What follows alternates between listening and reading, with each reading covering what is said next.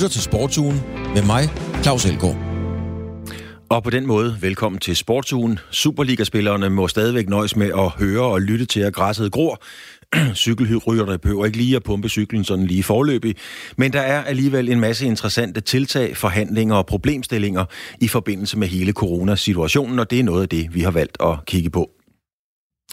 Det klassiske cykelløb Schweiz Rundt er blevet kørt virtuelt og på en såkaldt home trainer. Og så kan man spørge sig selv, er det nu også fremtiden for sporten? Hvordan ser det egentlig ud med fodbolden rundt om i Europa? Hvad bliver fløjtet af, og hvad bliver spillet færdigt? Vi kommer med et overblik. En undersøgelse viser, at elitesportsfolk er mere udsat for covid-19. Gælder det så også alle de motionister, der løber eller cykler en lang tur? Og fodboldklubben Viborg FF har været en del af en skandalesag med en spiller, der faktisk ikke kunne spille fodbold, men nu er i retten for blandt andet øh, vold, trusler og røveri. Vi giver et detaljeret indblik i hele den sag. E-sport har kronet tider. Vi kigger på, hvad coronakrisen har haft af indflydelse på e-sport, og jeg skal lige hilse at sige, det er ikke småting.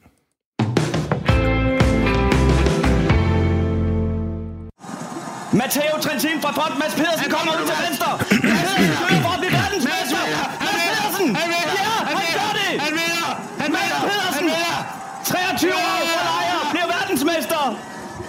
Oh, nej, var det sindssygt. Åh, oh, Mads for helvede. Mads for helvede, det var Rolf Sørensen. Sådan lød det jo, da Mads Petersen blev verdensmester på landevej, altså ude på den rigtige landevej. Og det bliver uden tvivl et af de historiske klip inden for cykelsports kommentering. Nu kører de så virtuelt cykelløb, og så lyder kommentatoren pludselig sådan her. We're going to go ahead and go to the leader on the road. Let's see if we have. He has uh, Rohan Dennis has actually finished the race in the virtual races. This happens fast. Rohan Dennis has won the stage, his second consecutive, uh, his second win, uh, just ahead of Team Sunweb's Nico Roach. Vingegaard from Jumbo Visma is coming into third.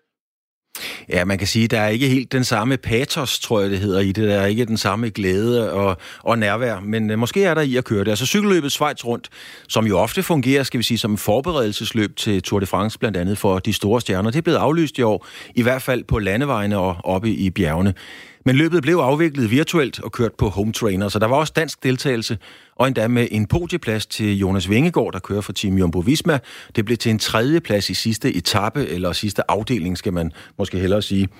Jonas Vingegaard, det er jo et voldsomt stærkt felt med mange af de største hold og mandskaber. Jonas, hvordan er det at sidde på en home trainer og køre mod verdensmesteren i enkeltstart, Rowan Dennis, øh, der vinder den etape, hvor du bliver nummer tre? Hvordan var den oplevelse?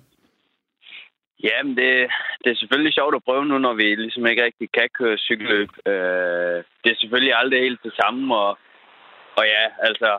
Øh, men, men, men det er en måde ligesom at, at, at køre et cykelløb på og komme ud, og, og så, så sponsorerne kan, kan blive set. Og, og ja, altså, det er, da, det er da det, vi må nøjes med lige nu, og det er selvfølgelig... Øh, ja, træls kan man sige, men det er jo sådan, det er nu under omstændighederne, og, og, og vi må jo bare få det bedste ud af det. Hvad kan du bruge det til? Altså, var det, en, en hård, var det et hårdt træningspas? Var det egentlig bare for sjov, eller hvad kan du få ud af det? Ja, men altså, man kan jo sige, at øh, man kan jo ikke rigtig bruge det til så meget, men øh, man kan da bruge det til en ting, og det er, at jeg ligesom ved, at jeg kører stærkt på cyklen for tiden. Øh, og ellers så er det vel egentlig bare mest at, at bruge det som træning øh, og, og, og, og forholdet til ligesom at få noget, øh, få noget medieomtale og, og, og få vist sponsorerne frem. Øh, det er jo vigtigt i en tid, hvor, hvor der ikke er andre måder at gøre det på. Men er det, er det et bedre træningspas, end hvis du ligger og, og kører med nogle tunge vat alene? Øh, det er selvfølgelig mere intenst, øh, fordi det var en, en, en team fuld, fuld gas, kan man sige. Øh, og det er ikke så ofte, jeg ligger og kører det, når jeg kører på landevejen.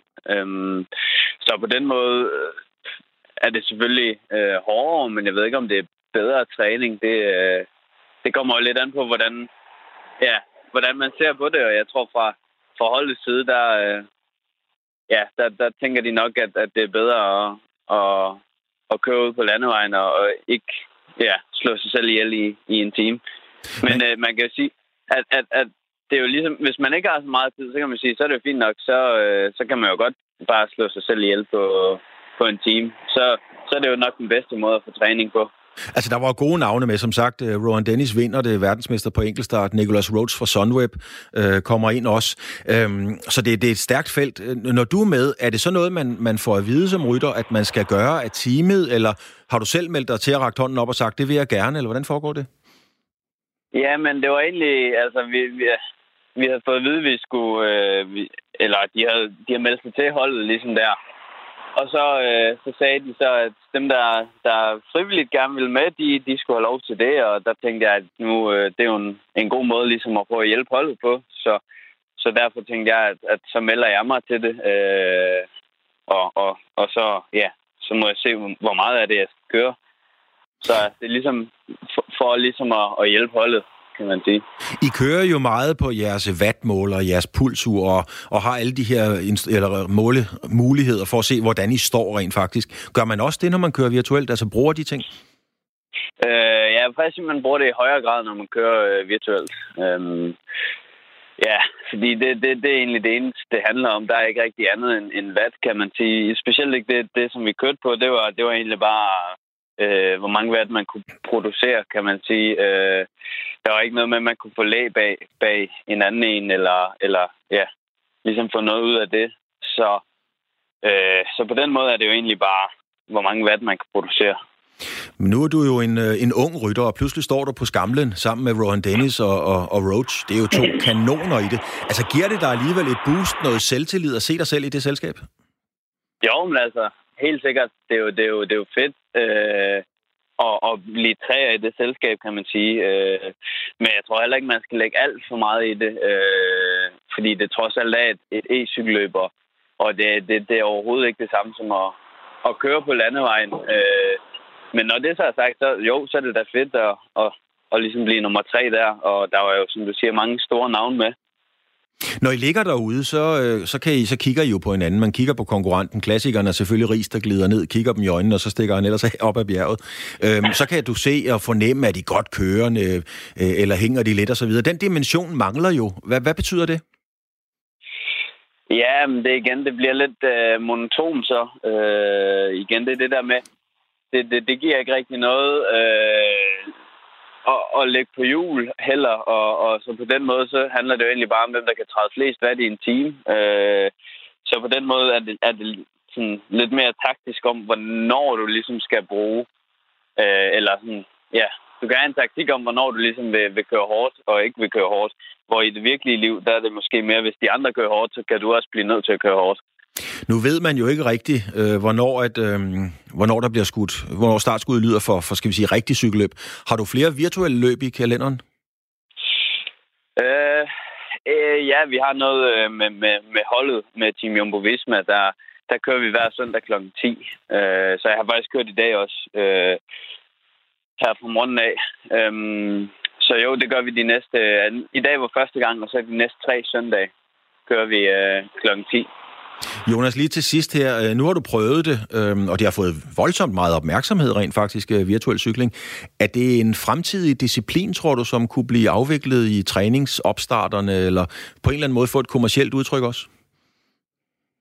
Åh, oh, det er svært at svare på. Altså, det, er ikke, det er ikke noget, der ligesom kommer til at erstatte det rigtige øh, overhovedet. Øh, men, men det kan da godt være i løbet af, af, af en vinter eller vintertræning, at, at der bliver et eller andet på en eller anden måde, det, øh, hvor, hvor de ligesom også kan få noget kommercielt øh, holdende, kan man sige. Hvor, hvor de kan få vist sponsorerne frem. Øh, så jo, det kunne da egentlig godt være. Øh, men jeg tror lige så snart, at, at løbende de egentlig går i gang, så, øh, ja, så, vil, så vil holdene fokusere på det, og, og, og det kræver jo lidt, lidt øh, hvad siger man, fokuseret træning hen mod øh, hvis man vil køre stærkt i, i et cykelløb. Tak skal du have, fordi du havde tid til at være med, Jonas. Ja, velkommen. Og det var jo altså Jonas Vingegaard, der fortalte om oplevelsen af at køre et virtuelt cykelløb med nogle af de store navne. Emil Axelgaard, du er skribent på cykelsejtet Feltet, og du har beskæftiget dig med cykelløb i mange år og kender meget til det. Du kender også rytterne, taktikken. Ja, du kender hele den der enorme organisme, som det jo er, når et stort klassisk cykelløb skal afvikles. Du har været med hele vejen rundt. Kan du blive fascineret af et virtuelt Schweiz rundt? Ja, det, det er svært, øh, hvis man kan sammenligne med et rigtigt cykelløb. Altså, det er, øh, det er noget, noget helt andet. Øhm, men jeg tror, cykelfans ser det på samme måde, som rytterne gør det. Øh, som en udmærket erstatning, som vi må leve med i de her tider, og som betyder, at, øh, at vi får noget livesport at se, øh, og det gælder jo sådan set ikke bare kun på cykelsporten, det gælder jo over, øh, over en bred kamp, at man ikke kan til live-sport i øjeblikket. Så på den måde så er det, er det et øh, udmærket øh, surrogat lige nu, men, øh, men det kommer aldrig i nærheden af, af, af det rigtige. Altså det er først og fremmest, som jeg ser det, øh, det har ligesom, tjener ligesom to formål. Det tjener først og fremmest det eksponeringsmæssige formål, fordi cykelsporten bløder ligesom alt andet, og cykelsporten har en meget skrøbelig forretningsmodel, hvor holdene de er 100% afhængig stort set af sponsorindtægter, og sponsorerne bløder også i øjeblikket, så der er flere hold, som allerede har sat deres, deres ryttere ned i løn. Så al den eksponering, de kan finde, det er, det, det leder de efter med lys og lygte, og der er det her et, et, et godt forsøg. Og så er, er rytterne også øh, på den i øjeblikket. Altså, de har svært ved at finde en motivation til at træne frem mod noget, som de ikke rigtig ved, hvad er. Og der er mange af dem, der har været ude at sige, at det her, de var egentlig skeptiske i starten, men, men at have så et lille benmål og få lov til at køre en eller anden form for cykel, det, det, der, er det, der er det sådan set meget godt. Så jeg tror, det er den måde, man skal se, det, se, se på det. Så de har taget sådan øh, en dyd af en nødvendighed. De har taget imod det. Med selve løbet, altså er der et sportsligt moment i det? For mig at se, jeg skal ikke gøre mig voldsomt klog på cykelsport, så ligner det en langt enkeltstart. Ja, altså man kan, der findes forskellige platforme, og det kan gøres. Øh, øh, der findes, øh, der findes øh, versioner, hvor man har, øh, hvor man kan tage hensyn til, til, til vindmodstand. Så, så der kommer et taktisk element, som, øh, som, hvor, hvor du kan ligge på hjul og så videre, som får det til at ligne rigtig cykelløb mere. Øh, nu var der det her løb, øh, som har været det, det, det mest eksponerede indtil videre, det her The Digital Swiss 5, altså Schweiz rundt, som blev kørt, øh, øh, kørt her i, øh, i sidste uge.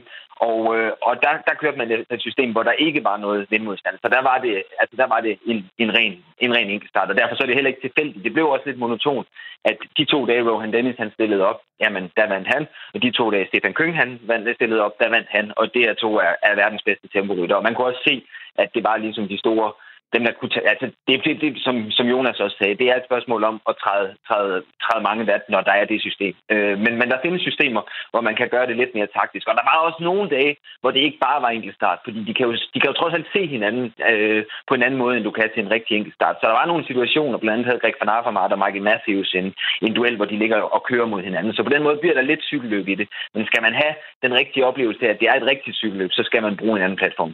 Er det de, øh, er det de bedste, der vinder? Altså det er nogle kære drenge, fordi ellers var de slet ikke nået så langt, som de er nået, så de giver sig jo ikke frivilligt. Men er det den stærkeste, der vinder? Nej, altså der var, der var nogle mærkelige resultater, øh, og, og det er også noget af det, som, som man kan diskutere, fordi det er jo ikke en officiel konkurrence, så der er ikke noget med, at du de går ud og kontrollerer, at man har fået tastet øh, rigtig vægt ind og er blevet kalibreret osv. For eksempel den ene dag, så Pierre Latour, han, øh, han kørte fra alt og alle til at starte med, øh, og fandt, så fandt man pludselig ud af, at, øh, at hans cykel var ikke kalibreret rigtigt, og så bliver han taget ud af løbet. Øhm, og, og jeg øh, hørte også, at Tom Dumoulin, øh, en af de, de store stjerner, han ville ikke stille op i det, for han synes ikke, det gav mening, når der ikke var nogen, nogen kontrol med det, fordi at, at, at det blev lidt tilfældigt. Jeg så også nogle mærkelige resultater. Altså, det er ikke tilfældigt, at Rohan Dennis og Stefan Kønge kører stærkt, men du ser også øh, folk som, øh, som Primoz Roglic, øh, som ligger nummer et på verdensranglisten, og nok er verdens bedste cykelrytter, Julian eller Philippe Nibali og så videre, de kørte, og de var ikke i nærheden af noget som helst. Og så, så ser du pludselig en helt ukendt, eller i hvert fald for den, den almindelige øh, ser, øh, ukendt mand som Matteo Dalkin, som kører på et lille hold, der hedder Rally, og han kører i top 5. Så på den måde, så kan man, altså der, det, altså det, dels er det en anden disciplin, det er simpelthen noget andet, øh, hvor man skal have noget erfaring i at køre, øh, køre det her, og så er der også øh, det forhold, at at der er jo ikke nogen kontrol med, at, øh, at de kører på lige vilkår. Når der ikke er det, så kan det ikke tælle som en rigtig konkurrence. Jeg, jeg kom til at tænke på, øh, øh, Emil, nu snakkede du selv om økonomi, sponsorer, altså alle sportsgrene og virksomheder i øvrigt skal jo tænke ud af boksen. Kunne man forestille sig, at man åbnede sådan et løb? Altså at holdene måske åbnede to pladser, som de simpelthen solgte? Øh, fordi når man kører med virtuelt, så er man jo ikke til fare for de andre rytter. Man kan ikke vælte nogen, man kan ikke køre ud over bjergkanten eller et eller andet. Men der er rigtig mange øh, motionister, der godt kunne tænke sig at prøve at køre mod Rohan Dennis og se, hvor, hvor langt det egentlig rækker. Det kunne man vel købe sig til en plads?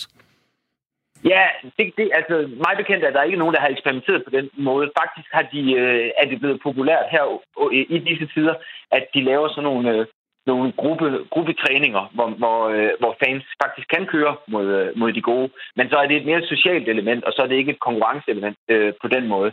Øh, men der har de øh, mange hold faktisk øh, der faktisk lavet sådan nogle, nogle, nogle, nogle arrangementer, hvor, hvor fans kan køre mod, mod de store navne. Og så har de så også de interne, som Jonas også var inde på, at nogle af holdene, de, de har nogle løb, hvor, hvor rytterne kører mod hinanden. Men, men mig bekendt er der ikke har der ikke været noget, øh, har man ikke forsøgt at tjene penge på det, men man har forsøgt, i og med at du laver et, øh, et, et socialt fælles cykelløb øh, for almindelige mennesker, det giver trods alt også noget eksponering for, øh, for sponsoren, og det er nok øh, på den måde, man har brugt det indtil videre. Man har ikke på den måde solgt øh, pladser. Øh, men altså, man, man, i forvejen var der noget med, øh, er det blevet brugt, det her e-cykling, i den forstand, at øh, at der har været øh, øh, den platform, der hedder Swift, har haft nogle konkurrencer, hvor, hvor almindelige motionister har kunne køre sig til en plads. Det var, det var kvinderne, der startede det, øh, hvor der var et hold, der hed Canyon, som, som gav mulighed for, at man kunne man, man lavede sådan en konkurrence, og så kunne man ved at køre stærkt på de her øh, øh, på de her platforme, så kunne man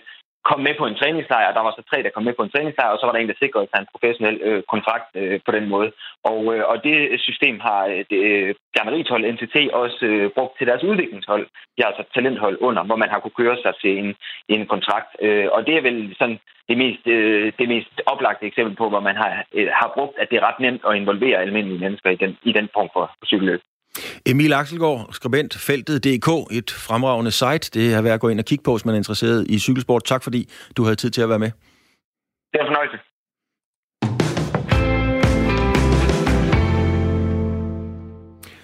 Fodboldklubben Viborg FF i første division har været involveret i en skandalesag af dimensioner. En sag, der til tider har, til tider har nærmet sig, skal vi sige det parodiske. Nu er den så ind med en retssag om vold, trusler og røveri, og så må man bare sige, at så er det lige pludselig ikke ret sjovt eller kuriøst mere. Her kommer lige et øh, kort oprids af sagen. 5. november sidste år, Viborg FF melder ud, at de har skrevet kontrakt med en 25-årig offensivspiller. Han hedder Bernio Verhagen, han kommer jo fra Holland. 15. november. Farhagens jelenske kæreste, kæreste beskylder på de sociale medier Farhagen for vold og kidnapning. 24. november. Viborg FF melder ud, at klubben er blevet svindlet, og den vil overdrage sagen til politiet. Viborg over ophæver kontrakten. Nogle dage senere, der bliver Bernjo Verhagen så øh, anholdt i forbindelse med tumult i en kiosk på Banegårdspladsen i Viborg. Han sigtes for trusler, vold og røveri. Verhagen bliver varetægtsfængslet i tre uger. 3. december. Midt- og Vestjyllands politi sigter Bernjo Verhagen for bedrageri i sagen mod Viborg. Så kommer vi til 16. december, for Hagen stikker af fra politiet i Holstebro og er på fri fod i cirka 12 timer. 28. april. Retssagen mod Farhagen går i gang. Der er 10 forhold mod Farhagen i anklageskriftet. Eskil Lyngsø, du er journalist på Viborg Stifts Folkeblad, og øh, du har fulgt sagen meget, meget tæt. Hvad er det for et menneske? Hvem er denne Farhagen? Hvem er det, vi har med at gøre? Åh, oh, det er et særdeles godt spørgsmål. Det har jeg jo stillet mig selv utallige gange, og i sådan set også bare her i de sidste, den her uge, øh, tirsdag, onsdag og torsdag, hvor jeg var sammen med ham i, i retssalen her i, i, i Viborg. Ved du hvad, jeg ved, jeg ved det grundlæggende ikke, altså. Han, øh, det, det er godt nok svært at sige, hvem han er. Øh, er han et mysterium? Det kan, det kan man godt kalde ham. Jeg har i hvert fald ikke øh, oplevet noget lignende i en, øh, i en retssag. Og jeg vil, ikke, øh, jeg vil selvfølgelig ikke bede dig om at komme med en øh, sådan en psykologisk analyse af ham, men, men du har siddet, du har kigget på ham, du har, du har interviewet ham i forskellige sammenhænge, eller op, observeret ham i forskellige sammenhænge. Var han klar, eller famlende, eller øh, hvordan virkede han derinde på, det, på, på den måde? Jamen, det var faktisk meget øh, skiftende. Nu øh, havde jeg jo lejligheden til at være sammen med ham i, i retten i Viborg her tirsdag, onsdag og torsdag. Det var sådan set forskelligt, hvordan han tog sig ud i retten de forskellige dage. Han virkede, han virkede mut, sådan set, alle dagene, men øh, særligt øh, onsdag, den anden retsdag i den her uge, der virkede han sådan set til at være ved, ved godt mod. Det var den dag, hvor hans forsvar fik lejlighed til at stille ham en, en masse spørgsmål om, om de her mange forhold. Men så torsdag, øh, hvor beslutningen så kom om, at han fortsat skulle sidde varetægtsfængslet frem til den 24. juni, hvor retten forventer at afsige sin endelige dom, der, øh, der virkede han faktisk vred. Han var øh, flere gange, gjorde flere gange oprør mod øh, dommeren, og han, han øh, talte øh, nedladende til anklageren, som jo af god grund ville have ham øh, varetægtsfængslet frem til den endelige dom. Øh, og han virkede simpelthen øh, vred, da han så fik beskeden om, at han skulle sidde varetægtsfængslet frem mod dommen den 24. juni. I sådan en situation at tale nedladende til, til anklageren og retssystemet, det er jo ikke den smarteste taktik, kan vi godt øh, blive enige om. Øhm, har du indtryk af, at han sådan havde fuldt overblik over, hvad der rent faktisk foregik omkring ham? Det er godt nok svært at sige. Det er meget svært at sige. Altså, han virkede til konstant at have en, øh, en god replik, eller en tilsyneladende god replik hver eneste gang, der bliver stillet spørgsmål til ham. Det er simpelthen ikke til at vide, om, om det, han har, har sagt i retten, er, er sandt eller, eller falsk. Men vi kan kun sige, at han har, han har haft mange forskellige forklaringer, og, og, og der var jo så også en række vidner, øh, otte helt præcist, i løbet af de her tre dage, som vidnede imod ham i, i nogle af de her ti forskellige forhold. Og øh, det var noget, et noget andet billede, de gav af ham, end, end det han selv prøvede at, at give af sig selv. Altså, der findes en video, der, der forholdsvis tydeligt viser en voldsom handling, hvor Farhagen øh, jeg ved ikke, om man kan sige tvinger, eller bruger i hvert fald nogle kræfter for at få en kvinde ned på gulvet, og angiveligt tager nogle ting fra hende. Sådan en meget, meget hånd, håndfast øh, video. Hvordan reagerer Verhagen på sådan en video? Altså, den pigen er så den 21-årige chilenske ekskæreste, som jeg forstår det. Hvordan reagerer hmm. han på, på den? Jamen, det, det reagerede han egentlig meget stille og roligt på, og altså grundlæggende så virker det til, for os der sidder og observerer ham, der virker det til, at han ser sig selv som, som et offer. Et offer for en sammensværgelse, øh, et offer for sin tidligere ekskærester, og simpelthen et offer for hele systemet. Altså i hans egen selvforståelse er han tydeligvis professionel fodboldspiller, og det har han været det meste af sit liv. Han drømmer om at få succes som fodboldspiller, han drømmer om en gang at blive træner for, for børn, kom det også frem i retten. Så altså, i hans egen selvforståelse er han tydeligvis et, et offer for, for hele den her sammensværgelse. Man kan jo også sige, at øh, der er jo ingen regler for, at man skal være en dygtig fodboldspiller, fordi man er en professionel fodboldspiller. Og det, at man er professionel, betyder jo i bund og grund bare, at man får penge for det. Men kom der noget frem, som overraskede dig? Var der noget overraskende i retssagen? Ja, der kom en del. Altså, det, er jo, det er jo vigtigt at sige, at, at, at hele det der bedrageriforhold i forhold til Viborg FF, det slet ikke er en del af den her sag. Som du sagde, der, der, det, der handler den om, om vold og voldtægt og røveri og, og trusler, og så den der flugt fra politiet i, i Holstebro. Og hvis man ser det med de briller, så kom der ikke så meget nyt frem for os, der, der sad i retten i de her dage det er jo mest nogle, nogle detaljer om, omkring de forskellige forhold, simpelthen. Han fortalte blandt andet, at, øh, at frem til den der flugt i december, hvor han havde været ved et retsmøde i, i Viborg, at han så øh, til synligheden havde en seddel på sig, hvor der stod øh, Plan for Success, og han havde også en anden seddel på sig, øh, som angiveligt var en, en flugtplan. En, en plan, hvor der stod, at så skulle han i retten på det tidspunkt, og senere skulle han give interviews til pressen, og så på et tidspunkt, så stod der bare action. Og det insinuerede anklagerne klart, at det handlede om det, det flugtforsøg der, som man så også endte med at, med at lykkes med, hvor han flygtede fra, fra politiet. Og ellers kom der nogle ting frem om, om at han, han angiveligt skulle have en søn i Colombia. Altså han fortalte blandt andet, at, at den der flugt skyldes, at, at politiet i arresten ikke gad at lade ham tale med sin familie. Han fortalte, at han havde en, en, en, en søn i Colombia, øh, som var syg, da han blev anholdt, og, øh, og ham har han så ikke måtte snakke med, og, og han fortalte sig i retten i løbet af de her dage, at, at den søn senere var, var død af, af sygdommen. Om det passer, det kan vi simpelthen ikke, øh, det kan vi simpelthen ikke sige noget om. Øhm, så er der jo Viborg FF, altså fodboldklubben. Øh, de, hvor, hvor står de i den her sag? Man kan jo ikke gøre Viborg FF ansvarlig for nogen, hvad, hvad, hvad Verhagen gør i en kiosk på Banegårdspladsen. Det vil jeg formode vil være svært i hvert fald. Men er klubben, er de blevet svindlet? Øh, eller hvad, hvad, hvor, hvor står Verhagen kontra Viborg FF lige nu? Ja, altså, øh, vi ved, at øh, klubben jo skrev kontrakt med ham den 5. november, og at den ophævede den igen øh, senere på måneden. Øh, og vi ved, at der er kommet den her anmeldelse om øh, bedrageri og svindel. Øh, og vi ved, at klubben, dem i klubben er rigtig, rigtig trætte af den her sag, for det er jo, det er jo en elendig sag for, for sådan en klub som, som Viborg FF. Men hvor sagen er henne, det ved vi simpelthen ikke lige nu. Jeg snakkede med anklageren om det i, i torsdags, og, og hun kunne altså bare sige, at den stadigvæk ligger hos politiet, og den bliver efterforsket.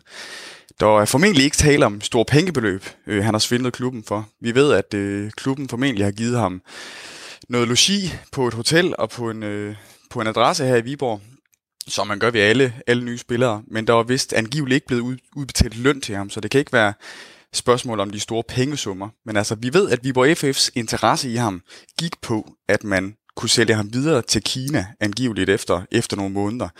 Øhm, så, og, og at klubben dermed kunne tjene nogle penge, men endnu vigtigere at komme i kontakt med et, et internationalt netværk af agenter. Men altså, man må jo sige, at øh, altså, der, der, der, der, man melder ud, at man har fundet øh, Verhagen, så bliver han præsenteret som en lynhurtig og aggressiv spiller. Det er sportschef Jesper Fredberg, der siger det. Det er han citeret for mange steder. En lynhurtig og aggressiv spiller. Altså det er et klart udtryk for, at man havde kendskab til ham, og på en eller anden måde må jo have fulgt ham. Hvad gør Viborg FF nu? Øh, prøver de at hjælpe politiet? Har de gemt sig? Er de gået under radaren? Eller hvordan agerer de i hele den her sag? Altså, jeg ved, at øh, overfor vores sportsjournalister her på Folkebladet i Viborg, der er de ikke meget for at tale om sagen. De vil ikke, de vil ikke udtale sig om den offentligt, og de har sendt nogle pressemeddelelser ud, da sagen den kørte. Øh, rundt vil man nok gerne bare have den tysset ned.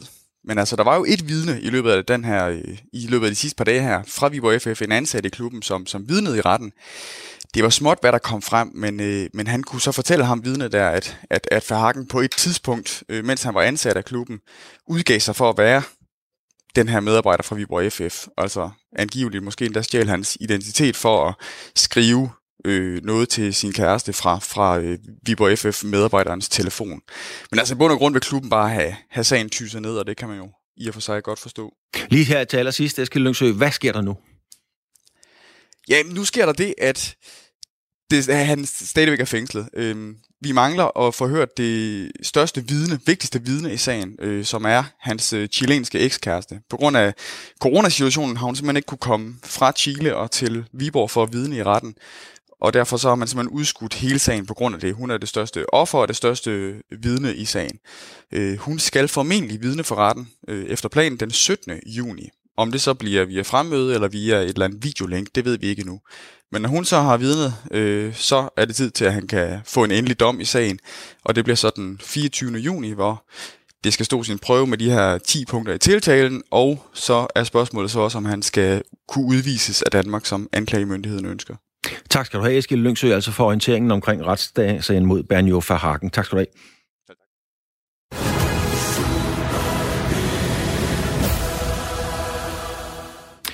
Fodbolden ligger stille i de europæiske ligaer, og hver dag er der som nye datoer og nye retningslinjer for, hvornår og ikke mindst, hvordan turneringerne eventuelt kan komme i gang igen.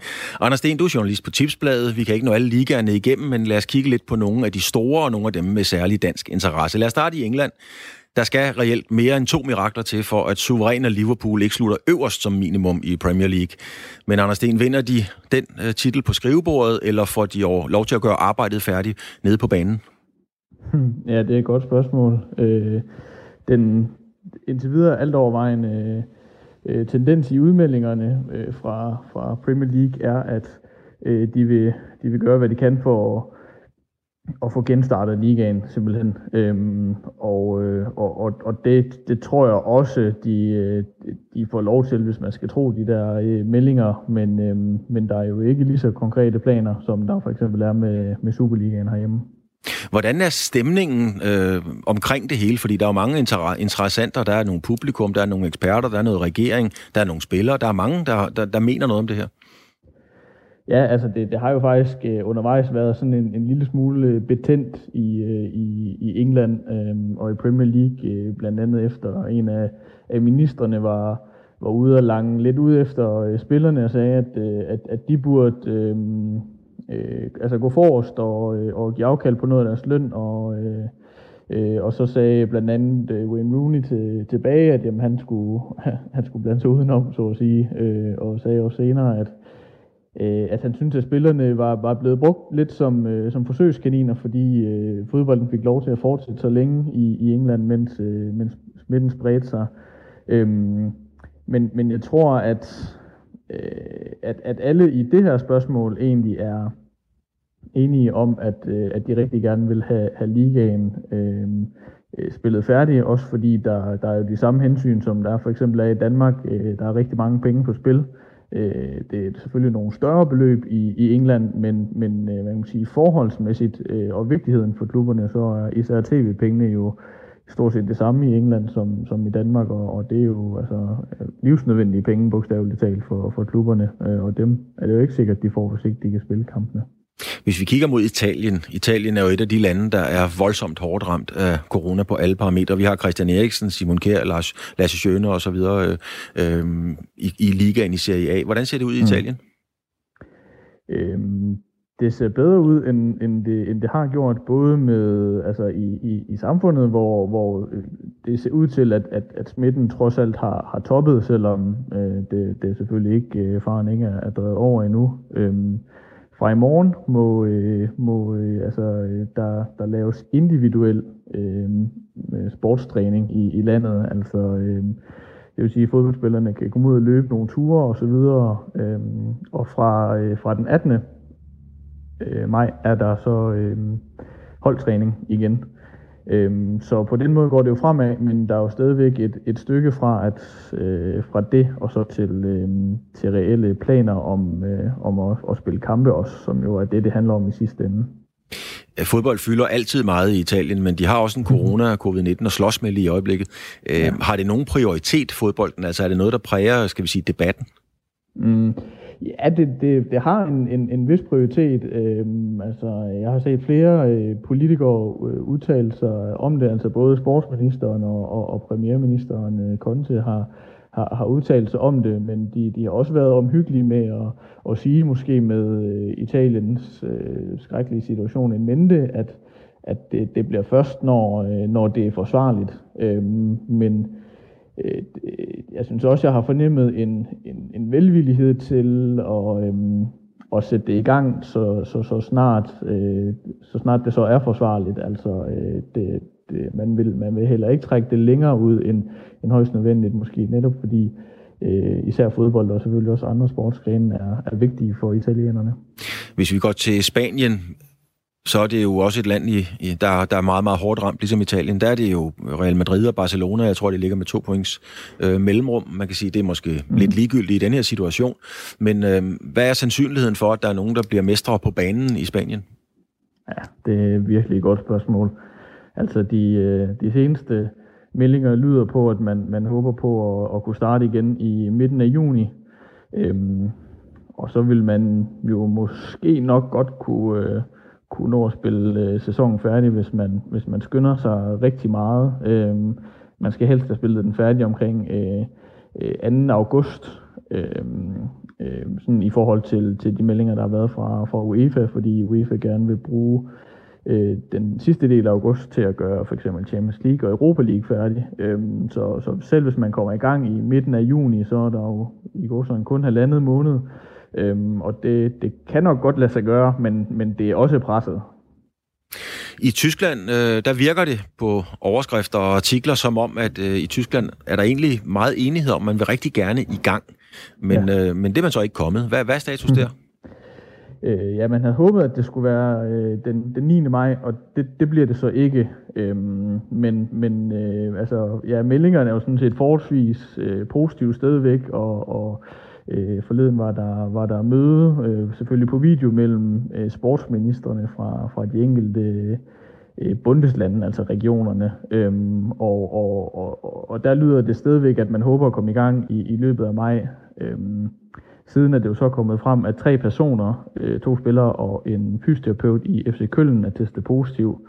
Øhm, og der var en af, af Køln-spillerne, øhm, Biver Verstrete, øh, hvis jeg udtaler det, det belgiske navn rigtigt, øh, som, som udtrykte bekymring, fordi han, havde, han var blevet behandlet af den der fysioterapeut, og han havde, han havde trænet med en af de andre spillere, øh, og han har en kæreste derhjemme, der har en, øh, øh, en hjertesygdom. Øh, og det er jo et eksempel på, på de her øh, situationer, der kan opstå, når, øh, altså når, man, når man åbner, øh, åbner mere op. Altså så, så vil, hvis, de, hvis det havde været mere åbent det her, så havde de spillere jo været i kontakt med endnu flere, altså som potentielt også havde øh, du ved, øh, udsatte øh, pårørende i, i, i, i deres nærmiljø.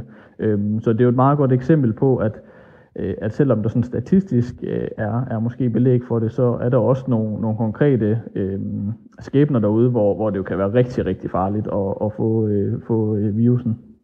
Anders Stens, journalist Tipsbladet. Tak for orienteringen om, hvordan det ser ud i de store ligaer i Europa. Selv tak. Der er også klubber derude, som øh, rasler med sablen over skrivebordsafgørelser i forbindelse med coronakrisen, og det er typisk i forbindelse med risikoen for at blive tvangsnedrykket. Og det er der også i Danmark, både i håndbold og i fodbold. Der er klubber, der har luftet muligheden for at gå jurens vej, hvis de eksempelvis bliver tvangsnedrykket. Nu kan jeg så sige velkommen til Adam Ringsby Brandt. Du er advokat med sportsret som øh, speciale, og du er også advokatfirmaet Bertel Rasmussen Advokater. Adam øh, Ringsby Brandt, der er klubber, altså, der overvejer med at tro med jura og retssager, og man må formode, at de klubber har haft en eller anden juridisk konsulentbistand, inden man kommer med de udtalelser. Hobro er en af klubberne, her bestyrelsesformanden Lars Kønel, han er selv jurist, og jeg vil ikke bede dig om at tage stilling til de enkelte og konkrete sager. Men helt principielt, hvad er det i regelsættet eller loven, der gør, at klubberne ser, skal vi sige, en juridisk åbning i den her sammenhæng? Jamen, den store udfordring er, at den situation, vi er inde i nu, er jo ikke reguleret i nogle af de øh, regelsæt, vi har, hverken inden for håndbold eller fodbold, i princippet inden for, for ishockey. Øh, der er jo sådan en force majeure-situation, og der er ikke noget, der klart regulerer, hvordan skal man afslutte en turnering i sådan et tilfælde her, hvis det ikke kan lade sig gøre at afslutte den. Og det korte og lange er lige meget, hvilken måde, man vælger at afslutte turneringen på. Hvis den ikke kan sluttes inden 30. juni, jamen så er det ved det princippet være en, en, en materiel sådan, ugyldig beslutning. Vil det sige, at klubberne reelt står stærkere, fordi der ikke er klare regler om, hvad der skal ske? Det kan man ikke sige øh, så, så klart på den måde, men, men det er i hvert fald gør, at der er noget at gribe i. I inden for altså sportens eget system, så vil man jo kunne finde ud af, om der er truffet en rigtig afgørelse om, om, om nedrykning, og primært det, der diskuteres af oprykning. Øhm, og, og, og derudover så øh, kan man inden for det almindelige civilretlige system fortsætte om erstatningssager, men det civilretlige system vil ikke tage stilling til op- og nedrykninger. Men det vil sige, altså hvis, øh, hvis sporten, sporten vil jo gerne klare, øh, skal vi sige, sådan nogle sager i eget system, det er jo en tradition. Men altså en klub kan i teorien godt tage, tage, tage det videre til et civilt søgsmål, hvis man bliver kendt, underkendt i, i egne instanser. Ja, og, og det vil primært gå på en erstatningsretlig betragtning om, man taber et eller andet økonomisk ved at blive nedrykket, øh, hvis man mener, det er sket uberettiget. Det kan selvfølgelig være en udfordring at gøre op, hvad det for et tab, man egentlig lider sådan økonomisk, men det er noget, som de civile domstole i princippet godt kan tage stilling til.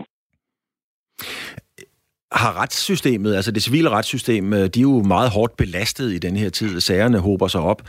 Mm, kan man spørge så firkantet og sige, har de tid til at beskæftige sig med, om Hobro eventuelt bliver tvangsnedrykket, eller et håndboldhold ryger ud af anden division? Jamen, øh, det civilretlige system har altid tid til at tage sig af sagerne, og det vil de også gøre, hvis det bliver indbragt. Øh, spørgsmålet er så, hvad resultatet bliver, og hvor lang tid der går. Man må nok forvente i de her tider, der går lang tid, hvor man kun lige er begyndt at se en stille og rolig genåbning af, af domstolen, hvor de primært tager sig af de her mere hastende sager omkring for eksempel strafferet og, og, og sådan familiesager. Og lige til sidst, øh, Adam Ringsby Brandt, øh, tidshorisonten, hvis der er nogen, der vælger at gå i det civile system, øh, hvornår bliver sådan en sag afgjort? Jamen, øh, hvis vi antager, at den så skal ankes til, til landretten, så ser vi en, et, en tidshorisont på noget ligner to, to og et halvt år. Tak skal du have, fordi du havde tid til at være med. Og så lidt.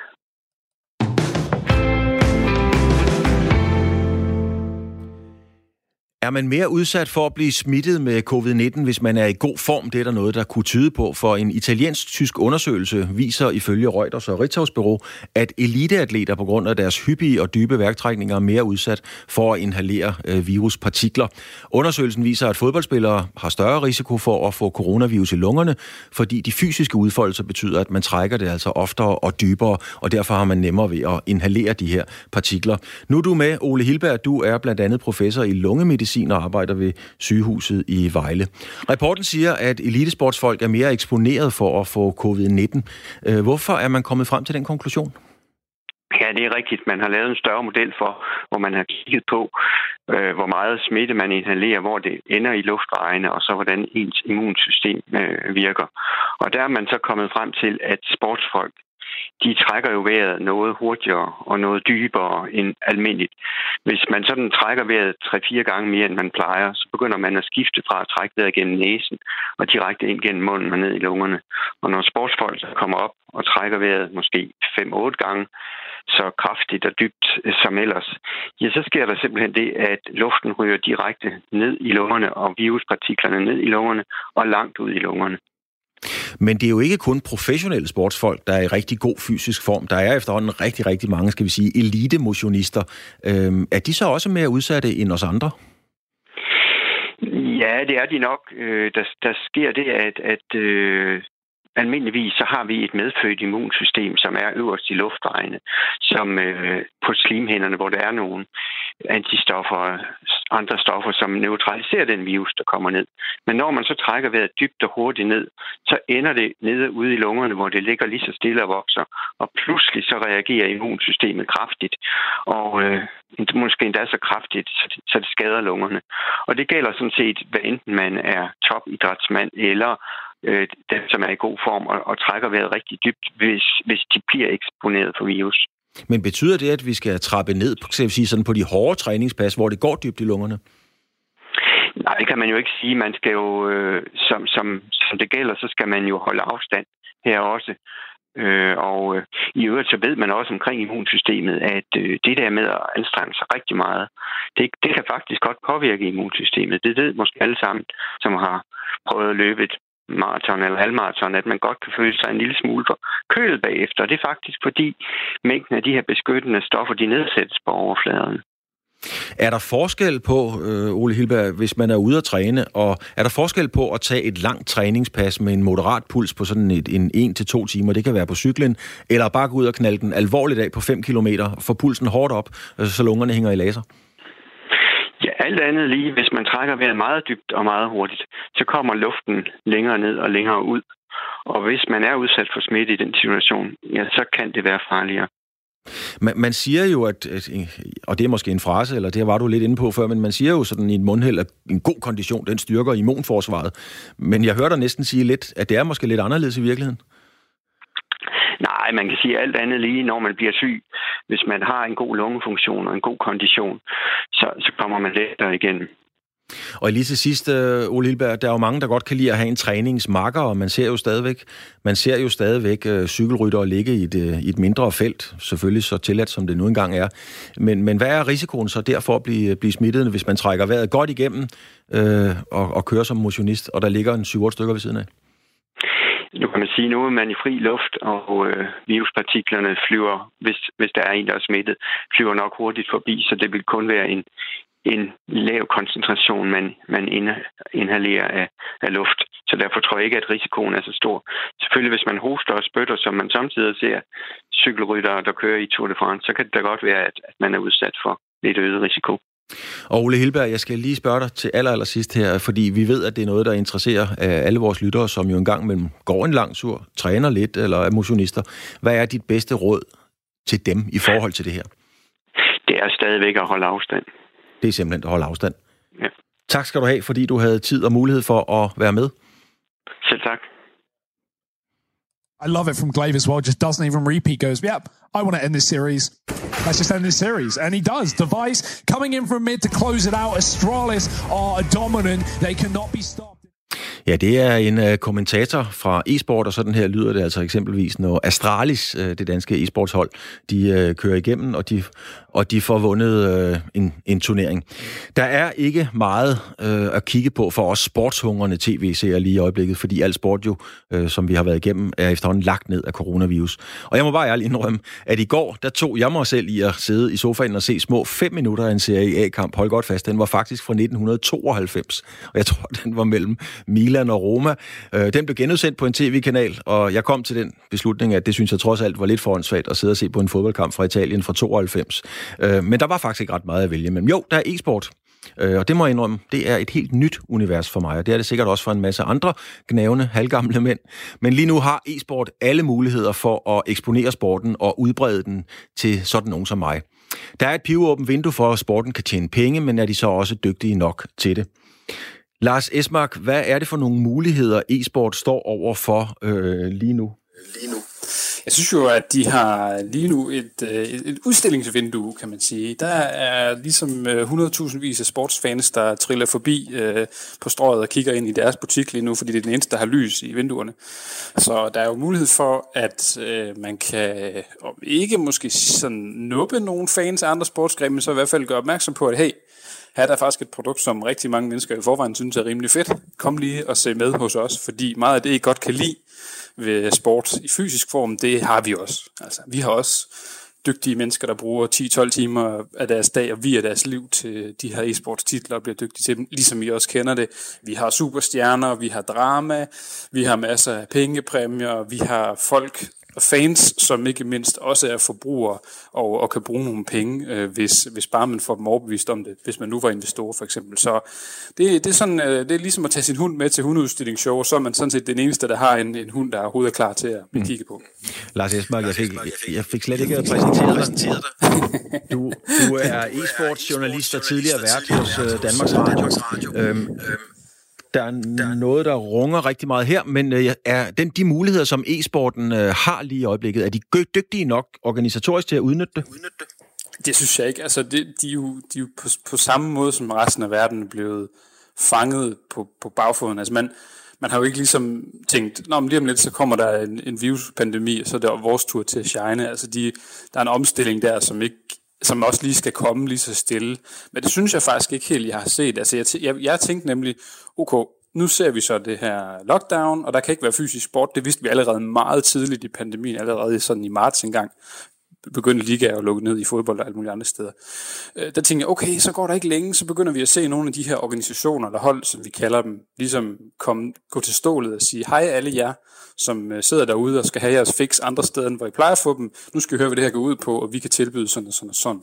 Altså enkelte af nogle af de tophold, vi har i Counter-Strike for eksempel, sådan nogle som Astralis, du snakkede om før, og også øh, North, som jo er FCK's og Nordisk Films Counter-Strike-hold, de laver nogle tiltag, hvor, man sådan, hvor de sådan ligesom prøver at sige, øh, hej, øh, I kan spørge os om alle mulige ting, mens vi ser den her kamp, og det fungerer på den eller anden måde, men der er meget lidt af sådan noget, hvad skal man sige, nybegynderhjælp, så at sige. Ikke? Der, der er vi så heldige, at vi i Danmark har TV2, som via Zulu har opkøbt rettighederne, som i forvejen er enormt pædagogiske.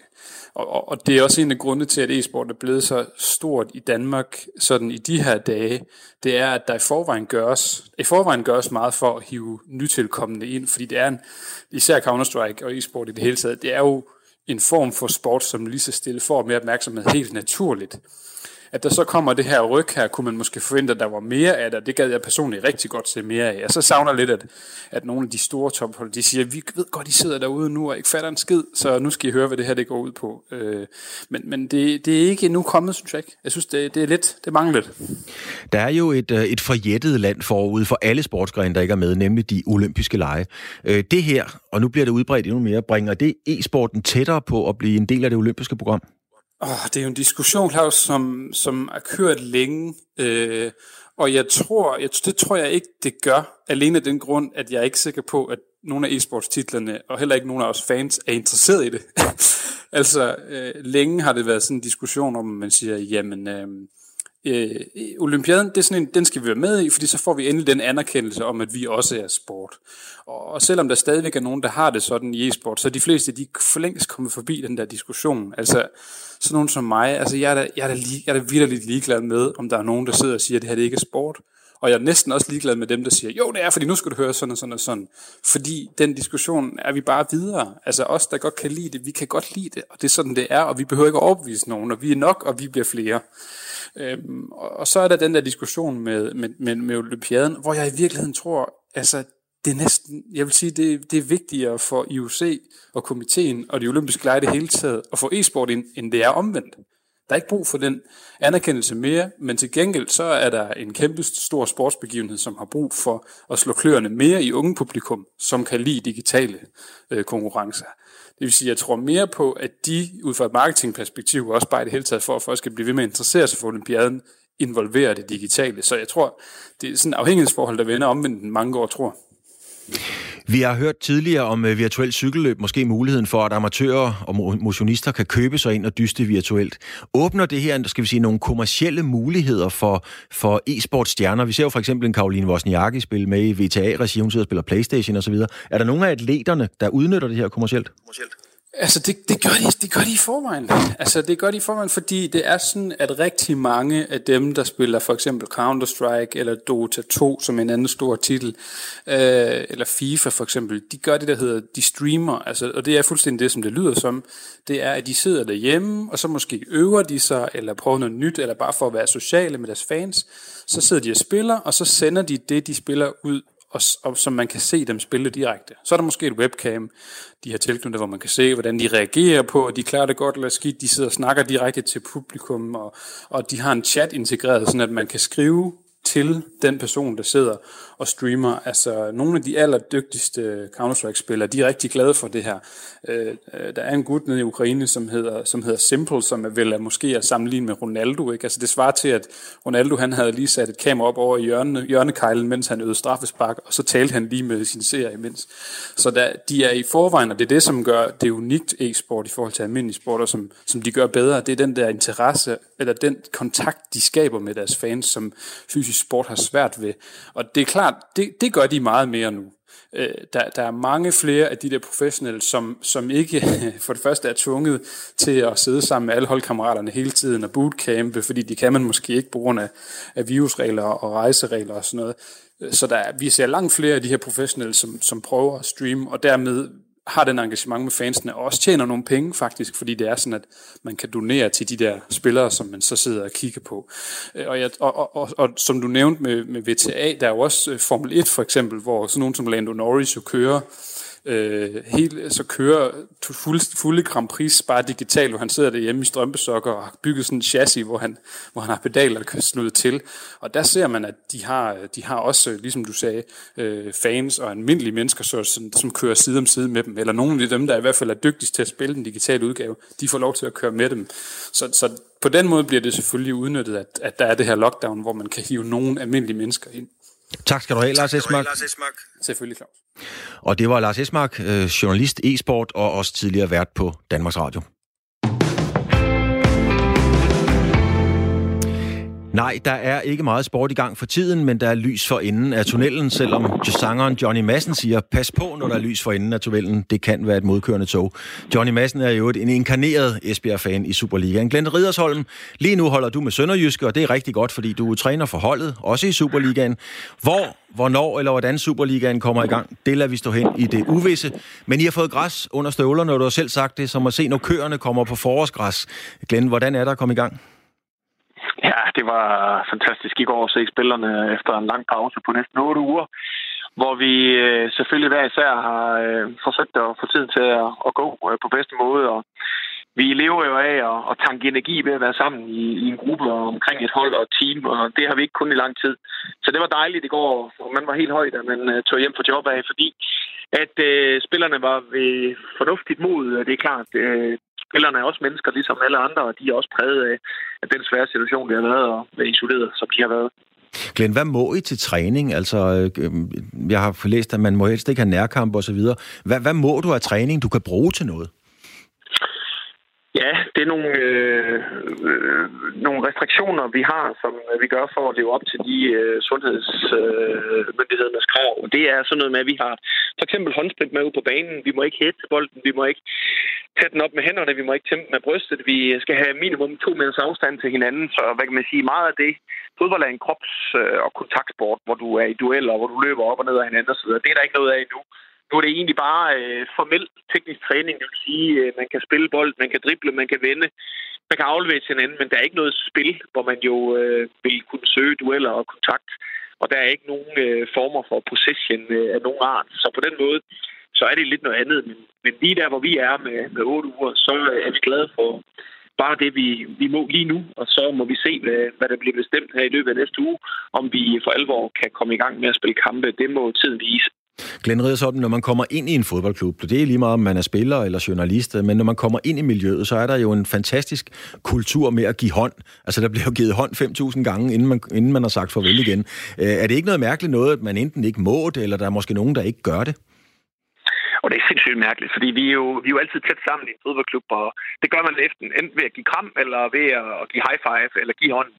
Og det er klart, øh, det er jo nogle af de ting, vi ikke må nu, så øh, der faldt jeg over noget i går, forskellige former, som man regner med i fremtiden, øh, måde man hilser på anden på. Så der er jeg ved at, at lægge hovedet i blød, for vi kunne også se i går, øh, meldingen for divisionsforeningen at hvis vi scorer mål i Superligaen, hvis vi kommer i gang igen, så må vi ikke juble, og det er svært ikke at, at give krammer og give high five, hvis man scorer mål.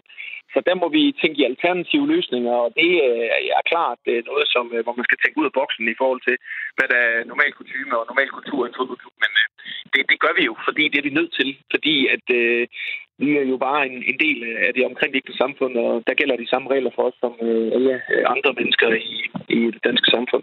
Og lige her til sidst, Glenn Ridersholm, og dejligt, at alle fodboldklubber, Superliga-klubberne og så videre er på græs igen. Kommer det her, tror du, til at ændre noget ved kulturen øh, i, i klubberne? For eksempel det her med at give hånd på sigt? Mm, det kunne, kunne det godt. Altså, Øh, ting har det jo ofte, man har det været i stillestand, og, og gå tilbage igen stille og roligt i, i de vante så og de normer, man gør for, for den kultur, der er, og den rytme og automatisme, der er. Men jeg vil også sige omvendt, så, øh, så, så tror jeg også, at det får en effekt øh, i en eller anden grad. Men øh, sammenholdet og den passion, vi alle sammen har for, for sporten, den er der ikke nogen, der tager sig fra os, og det giver i sig selv glæde. Så det vil stadigvæk være en del af vores hverdag, øh, og så må vi øh, tilpasse os de retningslinjer, vi udsigt på, selvom at det kan være svært, og vi også i går måtte anstrenge os rigtig meget for at huske alle de der ting, som jo ligger så indgroet i vores vaner og i vores adfærdsmønstre. Tak skal du have, Glint Riddersholm. Tak skal du have, fordi du havde lyst til at være med. Det var så lidt. God søndag. Tak skal du have. Og det var så sportsugen. Vi har talt om virtuel cykling, både i praksis og i fremtid. Vi har givet et overblik over fodbold i Europa, talt med en Superliga-træner, det var Ridersholm her. Der var besøg af en professor i lungemedicin og en advokat om sportsret. Vi har også hørt om e-sport på en uge, hvor der faktisk ikke er sket sport. Det var sportsugen på genhør. Nu er der nyheder.